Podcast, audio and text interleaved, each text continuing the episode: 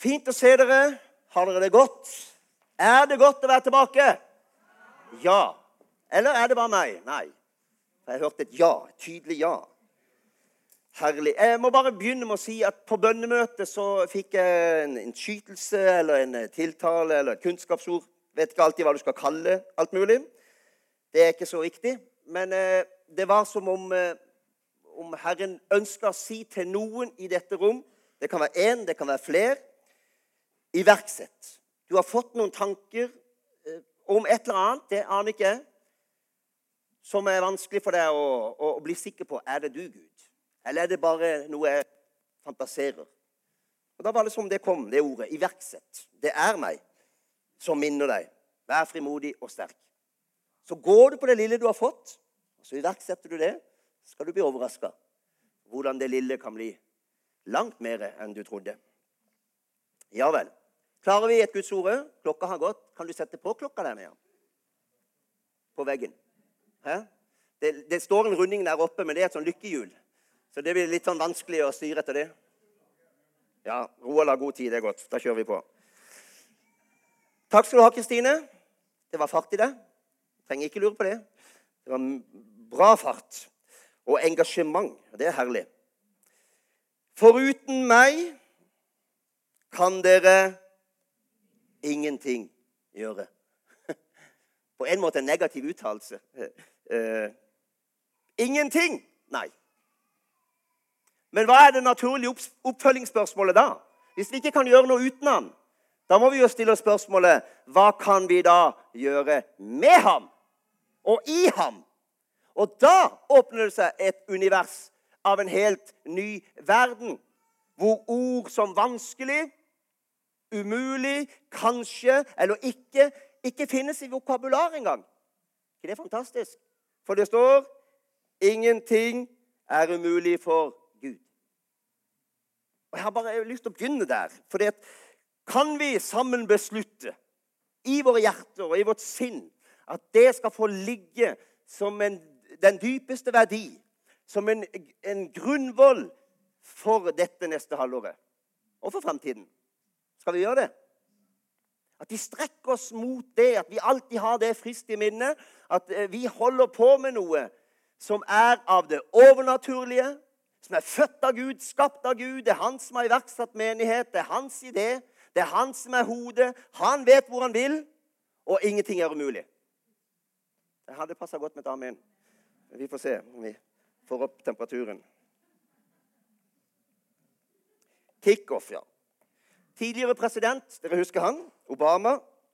Han sa i sin innsettelsestale til USAs president så sa han, 'We can do it', sa han. Det var en suveren preken. Jeg må si det. Jeg skal ikke tale politikk her nå. Men det var en veldig god preken som samla folk, som rørte folk, som skapte mot. Det kan være fristende å stjele den. Han sa egentlig 'Vi vil lykkes sammen'. Det var det han sa. Og så eh, skal ikke jeg bevege meg inn. Nei, Gud forby. I politikkens verden. Hører ikke hjemme her oppe, skjønner du. Og, eh, og felle noe dom om man lyktes eller ikke lyktes. Der er det vel like mange meninger som det er mennesker, tenker jeg. Det er ikke mitt poeng. Men han sa 'we can do it'. Og vi kunne jo hatt en sånn, vi kunne jo ropt det her òg. Men det er faktisk, det ville blitt feil. Vi måtte bytte ut noen ord der. For we cannot do it. He can do it. Det er en stor forskjell. Og det kan jeg si med trygghet og med autoritet og med overbevisning uten å være redd for å falle igjennom. Med en gang jeg sier 'vi skal', eller 'jeg skal', eller 'du skal', ja, så blir fallhøyden stor. For det er ingen av oss som skal noe som helst. Det er han. Og når vi da holder oss til Guds ord, til hans løfter, så kan du si det med stor frimodighet. Proklamere hans seier, proklamere hans løfter. Trenger du aldri være redd for. Han er ufeilbarlig, han svikter ikke som alt, si, som alt annet i verden. Mennesker, land og nasjoner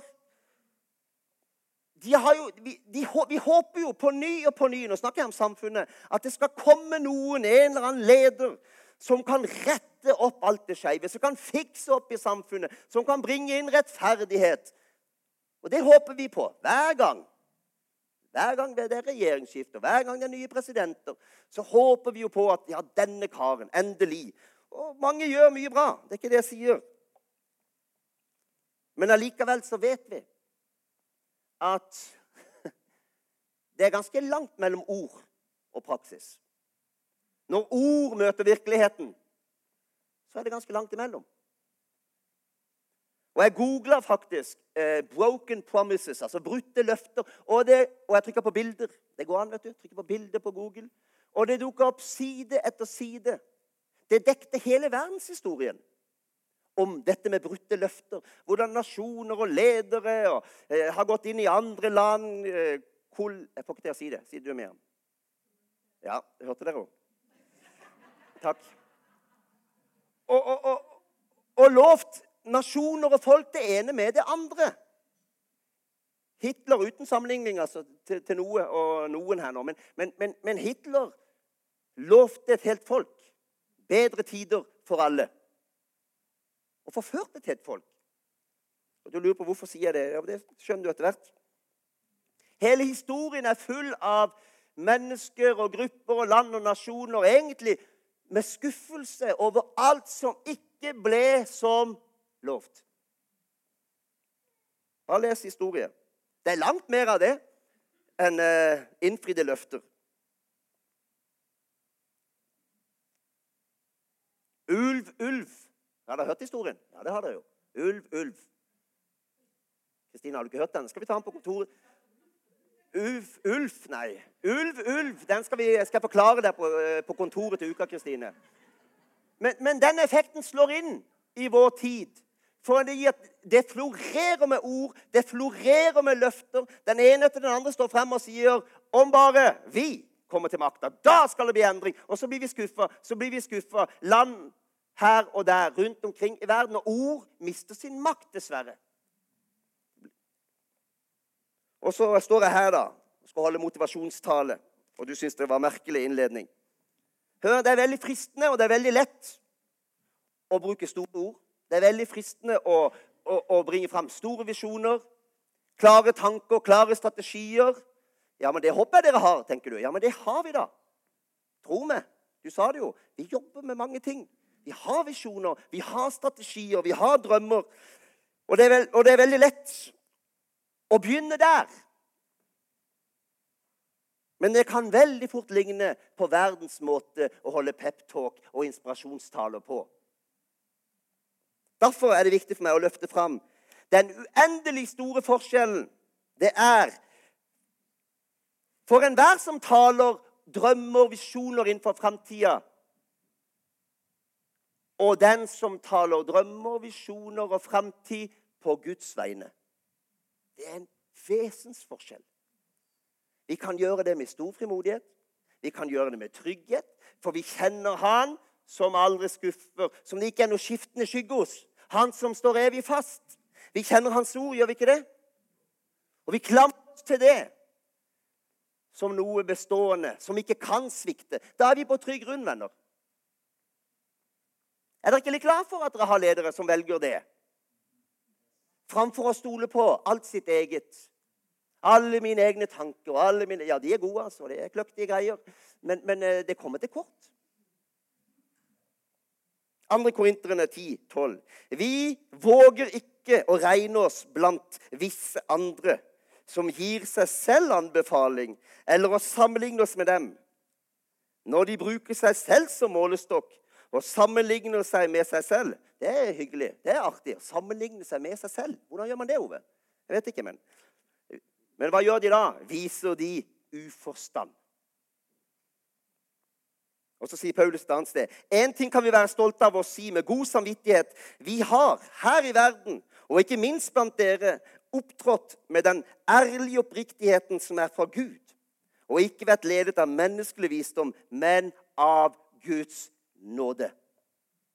Og selv om eh, eh, det er kickoff, og vi har masse herlig som skjer, masse gode folk som brenner, som er glødende, som er Jesus-begeistra, som eh, har fått lagt ned forskjellige områder i sitt hjerte og gjør en strålende jobb, så har jeg lyst til å begynne her allikevel. I det mest grunnleggende. Og nå har dere fått presentert mye òg. For det er ikke først og fremst lederskapets, Kristines, mine eller dine tanker, planer, talenter, ønsker og erfaringer som gjør at vi frimodig kan løfte fram visjoner og drømmer. Det henger med, men det er ikke basisen. Det er ikke grunnen vi bygger på. Og holdt på å si, Det her burde jeg jo ikke si. Hadde jeg altså sagt dette i en politisk tale, så ville det blitt min første og min siste tale. Kan du være sikker på. Det er ikke først og fremst meg Kristine eller lederskapet dere har deres tro, satt deres tro til. Dere har satt deres tro til Gud. Og at vi sammen hører fra Gud og går Guds veier. Han er hodet.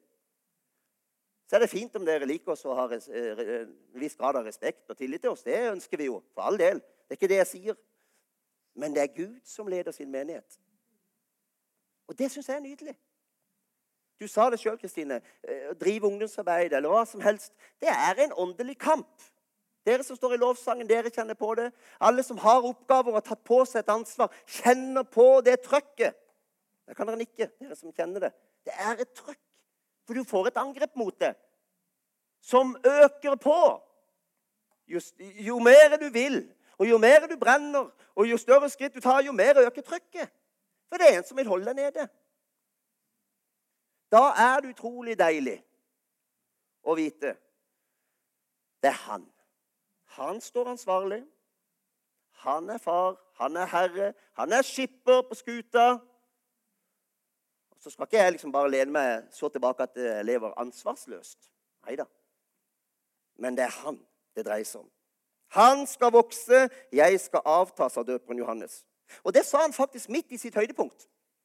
Tenk på det. Det kom antagelig, jeg vet ikke hvor mange, men det kom antagelig tusenvis av mennesker til Johannes for å høre han, for å la seg døpe. Det var en hel bevegelse. Han sto midt i det, og alt var sentrert rundt han, faktisk. De kom jo langveis ifra for å møte denne rare mannen i, i denne rare kledningen.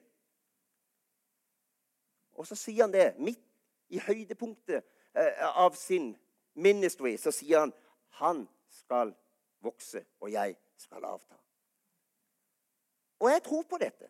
Jeg tror på, på, på, lederskap og på pastorer og evangelister som på ny kan si akkurat det samme. For det er så lett å hive ut bilder og, og, og, og pompøse greier. For det vekker så mye bevegelse. Men jeg har egentlig lyst til å gå motsatt vei og si kickoff, inspirasjonstale. Hvor begynner vi? Vi begynner med å bøye oss ned. Vi bøyer oss ned for Han. Så løfter vi ikke opp oss sjøl. Så løfter vi ikke opp verken den ene eller den andre. Det skal vi gjøre. og Hedre hverandre. Men, men, akkurat nå løfter vi bare opp Han. Jeg syns det er et fundament å begynne et år med. Er dere enige? Å si at uten Han kan vi intet gjøre. Så fins det masse gaver, så fins det talenter, det fins musikalitet, og det fins hjerne og intelligens. Skal ikke begynne å fortelle hvem som har hva. Eh, det kan fort bli galt. Og Gud bruker jo det. Det er vi alle klar over. Han bruker de gaver vi har fått. Men det står jo vitterlig foruten meg kan dere intet gjøre. Det er noe med grunnholdningen.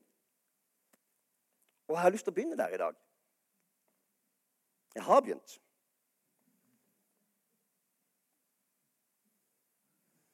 Billy Graham, Dette her ble sagt om Billy Graham. Grunnen Graham selv trodde var årsaken til at han nådde fram til manges hjerter. Det handlet ikke om talegaver eller personlig utstråling, men om forholdet hans til Bibelen. Og så hører han sier. Jeg vet det er visse hemmeligheter. Når jeg siterer Bibelen, tviler jeg aldri på det som står der om korsets betydning om jomfrufødselen, om Jesu død for våre synder, om nødvendigheten av at menneskene trenger Jesus som sin frelser, eller at Kristus møter menneskenes behov.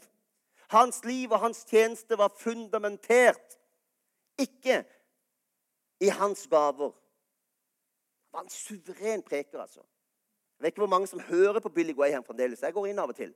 trenger en sånn liten boost der av en reinspikka evangelist, hører jeg på Billy Graham. Og så tenker jeg, slår det meg hver gang Hvordan går det an at du kan si de samme tingene igjen og igjen om ordet om korset? Du må bli frelst. Det er de samme prekenene.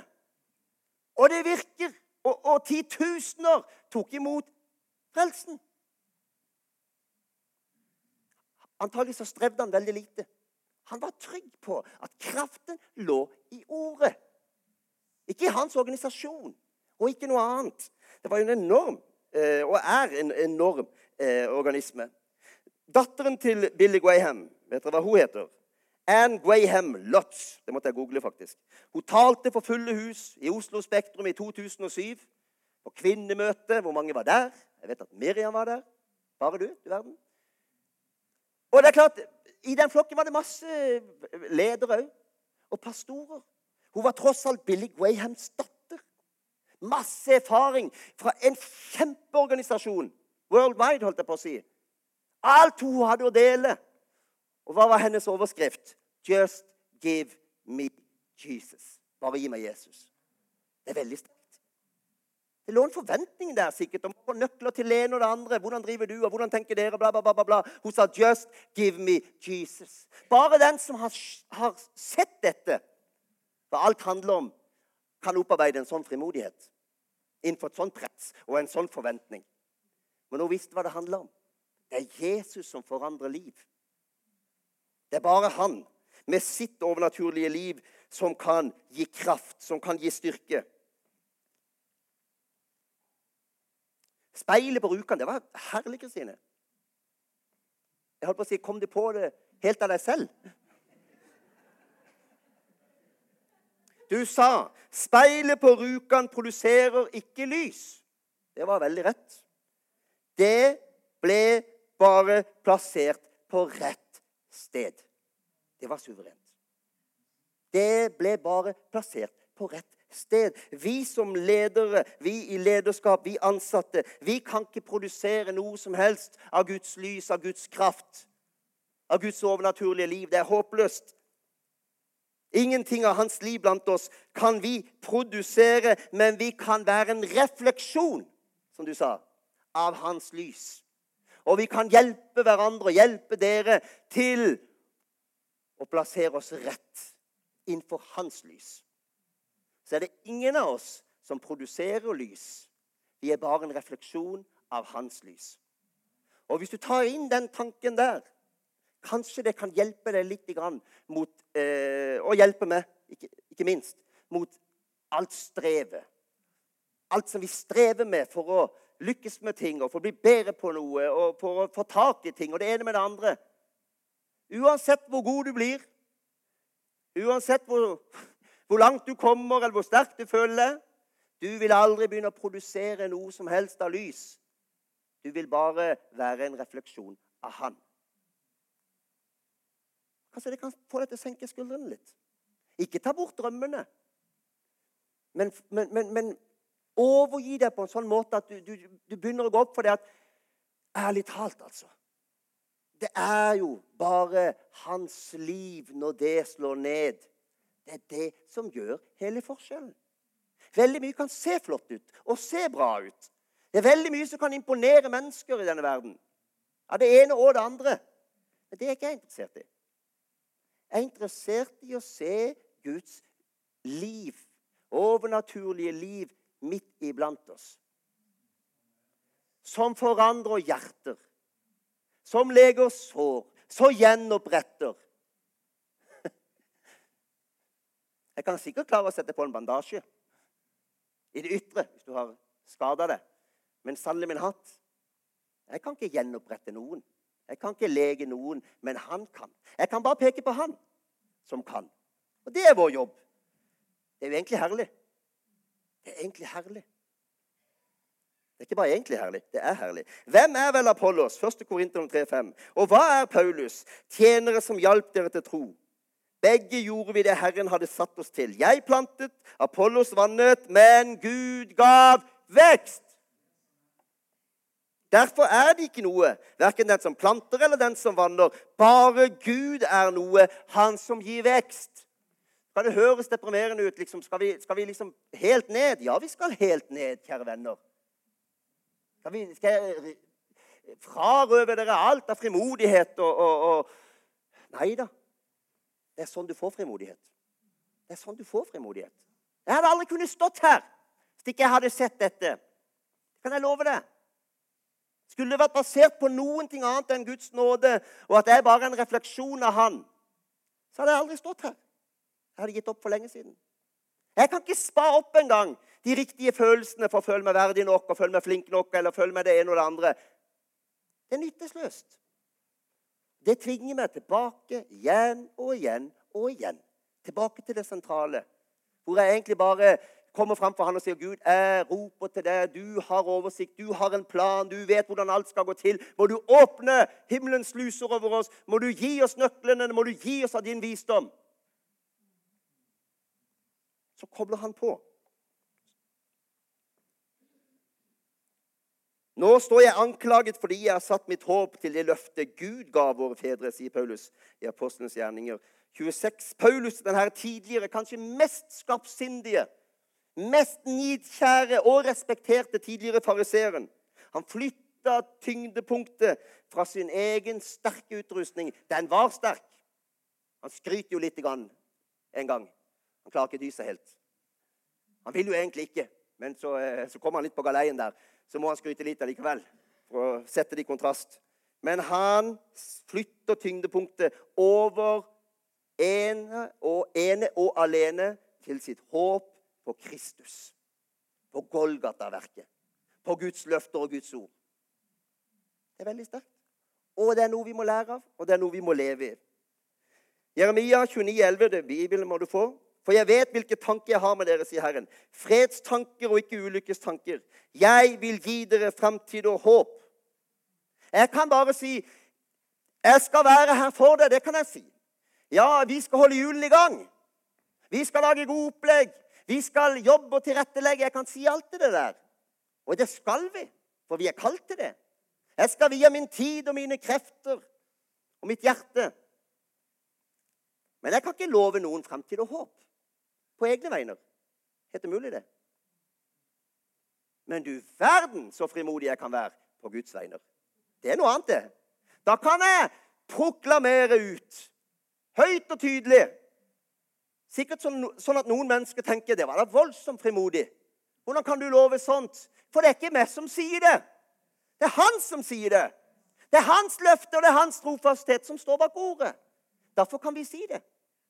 Derfor kan vi være frimodige. Og Derfor kan vi òg tale ut og proklamere hans seier over vår menighet. Fremgang, liv og vekst og menneskets frelse i Froland misjonskirke. For vi kjenner Han som vil at alle skal bli frelst. Trenger ikke lure på det. Han vil velsigne oss. Han er en glad giver. Vi trenger ikke eh, lure på om han hører oss når vi ber. Vi trenger ikke lure på om han egentlig har gode tanker for oss. Det står her. Han har tanker til framtid og håp. Dette ble sagt altså til eh, til jødene når de var i Babylonia. De var blitt deportert av Nebukadneser. Der skulle de være i 70 år. Det var jo ikke akkurat veldig lystig situasjon å høre sånne ord. Nesten helt sånn paradoksalt. Bli frakta ut av sitt land, fra hjem og hus og, og, og røtter, historie, kultur. Kanskje familier splitta opp, og der satt de i, fremmed land. Uten jobb og uten penger vanskelige omstendigheter. Og midt i de omstendighetene så får de også høre at ja, ja, men det dreier seg bare om 70 år. Hadde jeg fått høre Geir stå på 70 år, da kommer det en vekkelse. Så hadde jeg blitt, eh, måtte jeg jobbe litt, eh, med, hatt noen runder med Herren på det. Det kan jeg si det. Men vet du hva? De fikk høre det var 70 år. Men dette ordet, det ble til liv og oppmuntring og styrke for dem. Jeg vil gi dere framtid og håp. 70 år frem. Omstendighetene tilsa noe annet. Men ordet tente noe som gjorde at de kunne holde ut. De levde, og, og, levde på Guds ord, de levde på det ordet han hadde talt, og de trodde på det ordet. Og gjett hva? Ble det sånn, eller ble det ikke sånn? Det ble sånn. Les Skriften. Det er utrolig detaljert. Du ser ikke et eneste løfte om det er snakk om år og dager når Gud har talt. Så viser historien det ble sånn på dagen. Gud har oversikt. Vi kan stole på Han. Vi har satt vår håp til Gud og til Hans kraft. Så bruker han oss, da. Det er jo fint at han kan bruke oss. Mennesker de kan komme, og de kan gå. Det erfarer vi jo. Aktiviteter og opplegg det kan komme, og det kan gå. Koronarestriksjoner har kommet og gått. Halleluja. Men det kan komme og gå, det òg. Nye former, det vet vi ikke. Samfunnstrender og tenkning, det kommer og det går. Men Gud kommer ikke og går. Han er den eneste som står fast. Da er det jo eh, ganske selvsagt lurt, spør du meg, da. Når alt annet skifter, og ikke henger på den karusellen. Da blir du svimmel og sliten og oppgitt. Han har prøvd alt. Da prøver vi den eh, den gode, gamle oppskriften, da. Å henge på Han, hvor ingenting forandres. Hvor alt står evig fast. Hvor Guds kraft er den samme. Den hellige ånd er den samme. Hans utgytelse inn i våre hjerter er den samme. Han har ikke trukket noen ting tilbake. Alt er utøst. I kraft av den nåde Gud har gitt meg, la jeg grunnvollen som en klok byggmester. En annen bygger videre men hver enkelt må være nøye med hvordan han bygger. Ingen kan legge noen annen grunnvoll enn den som alt er lagt. Jesus Kristus. Hvor mange ganger skal du preke denne preken, Geir? Til jeg dør, eller han kommer og henter meg? Ja, da må vi få noen andre etter hvert. Det kan være. Så kommer det kanskje noen andre prekener innimellom. Men denne prekenen vender vi tilbake til igjen og igjen og igjen. Hvem er vår grunnvoll? Hvem er det alt liv springer ut ifra? Det er han. Derfor har vi satt noen verdier framfor noen andre i verdigrunnlaget vårt. Og En av de er bl.a. at vi tror på kraften i evangeliet. Og Det Billy Graham gjorde. Tror du på kraften i evangeliet? Vi tror at foruten meg kan dere intet gjøre. Det betyr jo ikke at vi ikke skal gjøre noe. Det betyr vi skal gjøre masse bare sammen med han. For da er ingenting umulig. Det er vår grunnvoll. Når vi frimodig proklamerer seier og Guds velsignelse, framgang og vekst, liv og helse, så er det på hans vegne. Å, det er herlig. Du som leder lovsang, kan gjøre det samme. Kan proklamere ut frimodig. Det vitner ikke om det, og det vitner ikke om din tro nødvendigvis. Og det skal det heller ikke. Men det gjør noe i åndeverden, for Guds ord proklameres ut. Det er i Guds ord kraften bor. Ikke i, nødvendigvis i det og i dine ord. Men det kommer deg til, de til gode, altså. Det gjør noe med det. Det er en annen sak. For det, det står det, vi, det En mann taler, og blir hans virkelighet. Er det det ordspråken eller noe sånt?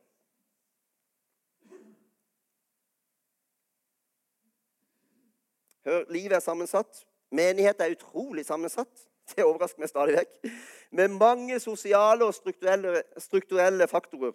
Årsak og virkning. Vi samtaler masse om det i tilsynsråd og i felles lederskap. Og vi skjønner jo veldig godt at oppslutning i menighet, om folk blir, er veldig styrt av helt naturlige menneskelige følelser av å være sett, av å være inkludert, eh, blitt regna med. Altså trygge, gode relasjoner er ekstremt avgjørende. Det vil det alltid være, for vi er mennesker.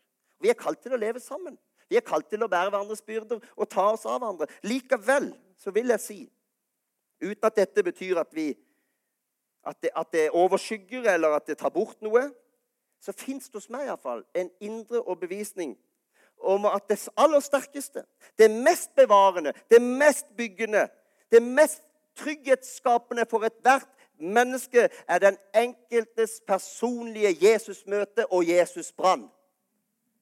Det setter så mye på plass i mitt liv, i ditt liv.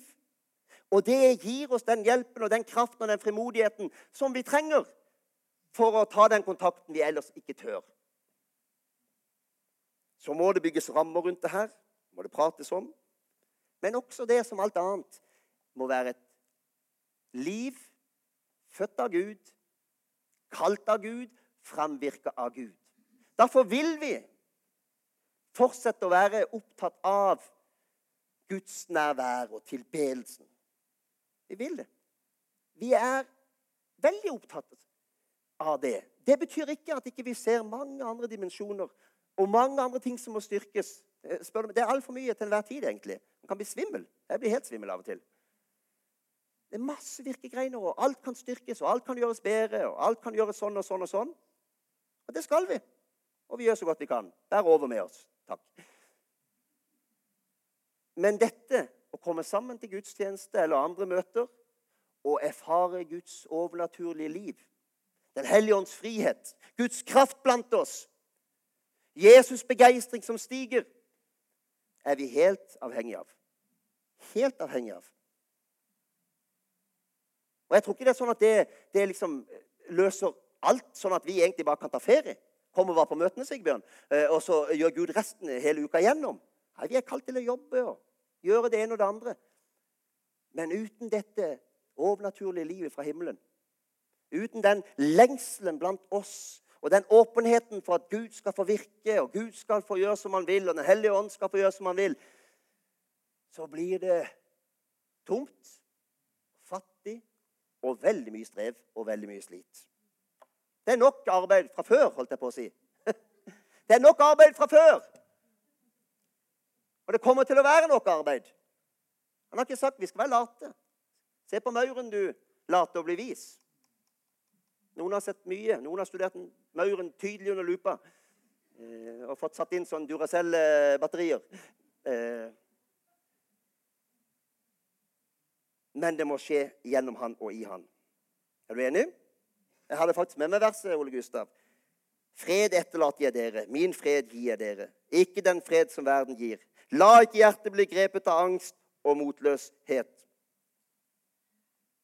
Vi trenger hverandre, vi skal stå sammen, og vi skal styrke båndene, kjærlighetens bånd. Vi trenger det. Vi trenger å jobbe med relasjonene. Vi trenger å skape fora hvor vi møtes, hvor vi blir kjent. Det kommer, og vi jobber med det, vi er i gang trenger å løfte hverandre opp, men hele den operative kommandosentralen er Jesu hjerte. Det er kommandosentralen. Det er der alt kommer ut ifra.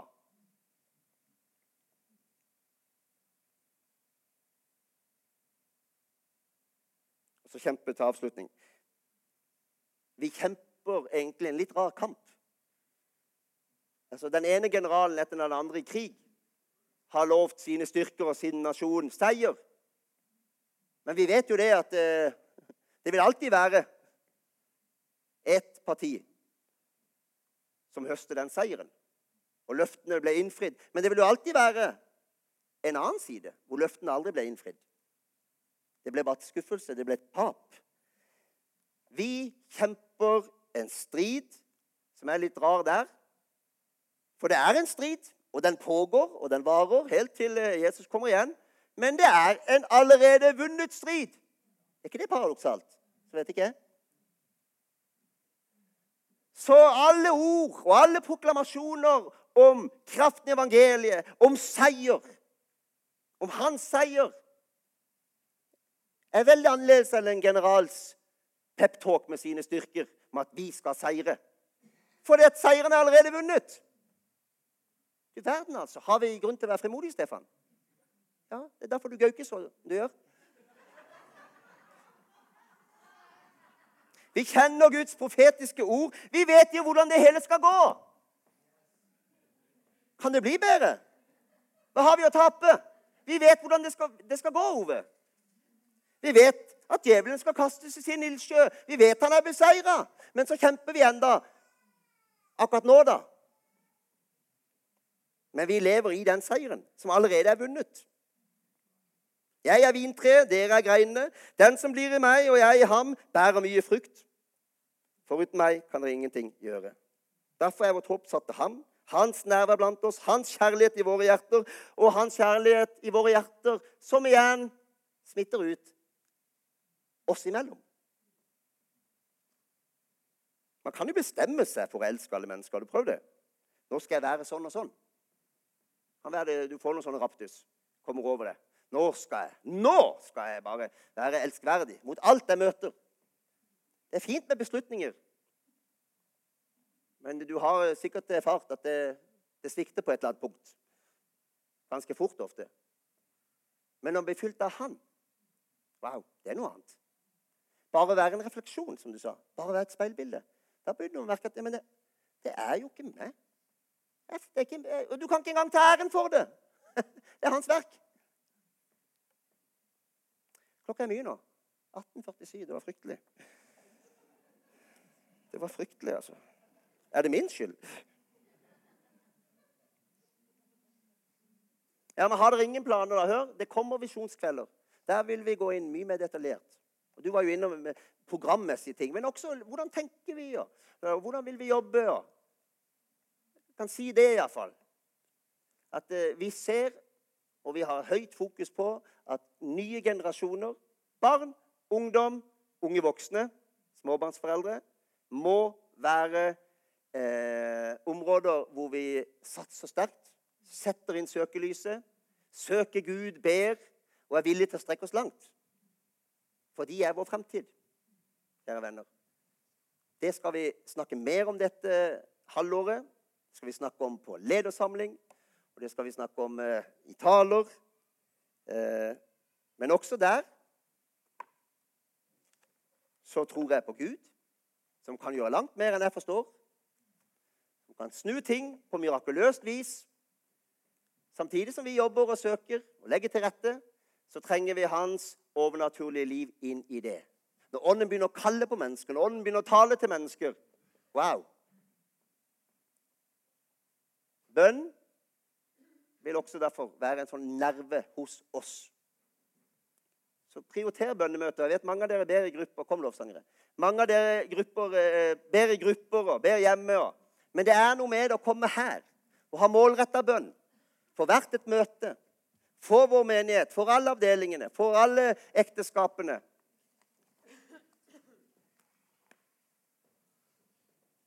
Så Det inviterer vi dere til. Ikke som en plikt, men som noe som eh, forener oss, og som vi er helt avhengige av for at Guds rike skal bryte ut i full kraft. Amen. Det er godt at du er så full av åndens frukt at du ser ikke på klokka. Du skal ikke hjem og se noe sport på fjernsynet, selvfølgelig, eller noe annet. Du vil være her. Det er herlig. Jeg vil iallfall være her. Så vi synger og vi søker Gud. Kanskje var det du som fikk et ord i begynnelsen. Kanskje var det flere. Kom gjerne fram, så ber vi over det sammen. Hvis du kjenner at det hadde vært godt faktisk å, å, å komme fram for Herren på ny og liksom legge den grunnen stødig og fast Det er ikke meg sjøl, det er ikke mitt fortjeneste, det er ikke hva jeg får til, men det er bare Han. Til, liksom Bare få innvie deg for Han. Så inviterer vi deg frem. Det er mange her som kan være med og be. Er du syk, så inviterer vi deg fram. Egentlig inviterer vi alle som ønsker forbønn fram. For vi tror på dette med å omslutte hverandre i bønn. Og Det er mye kjærlighet i det, og det er omsorg i det. Amen.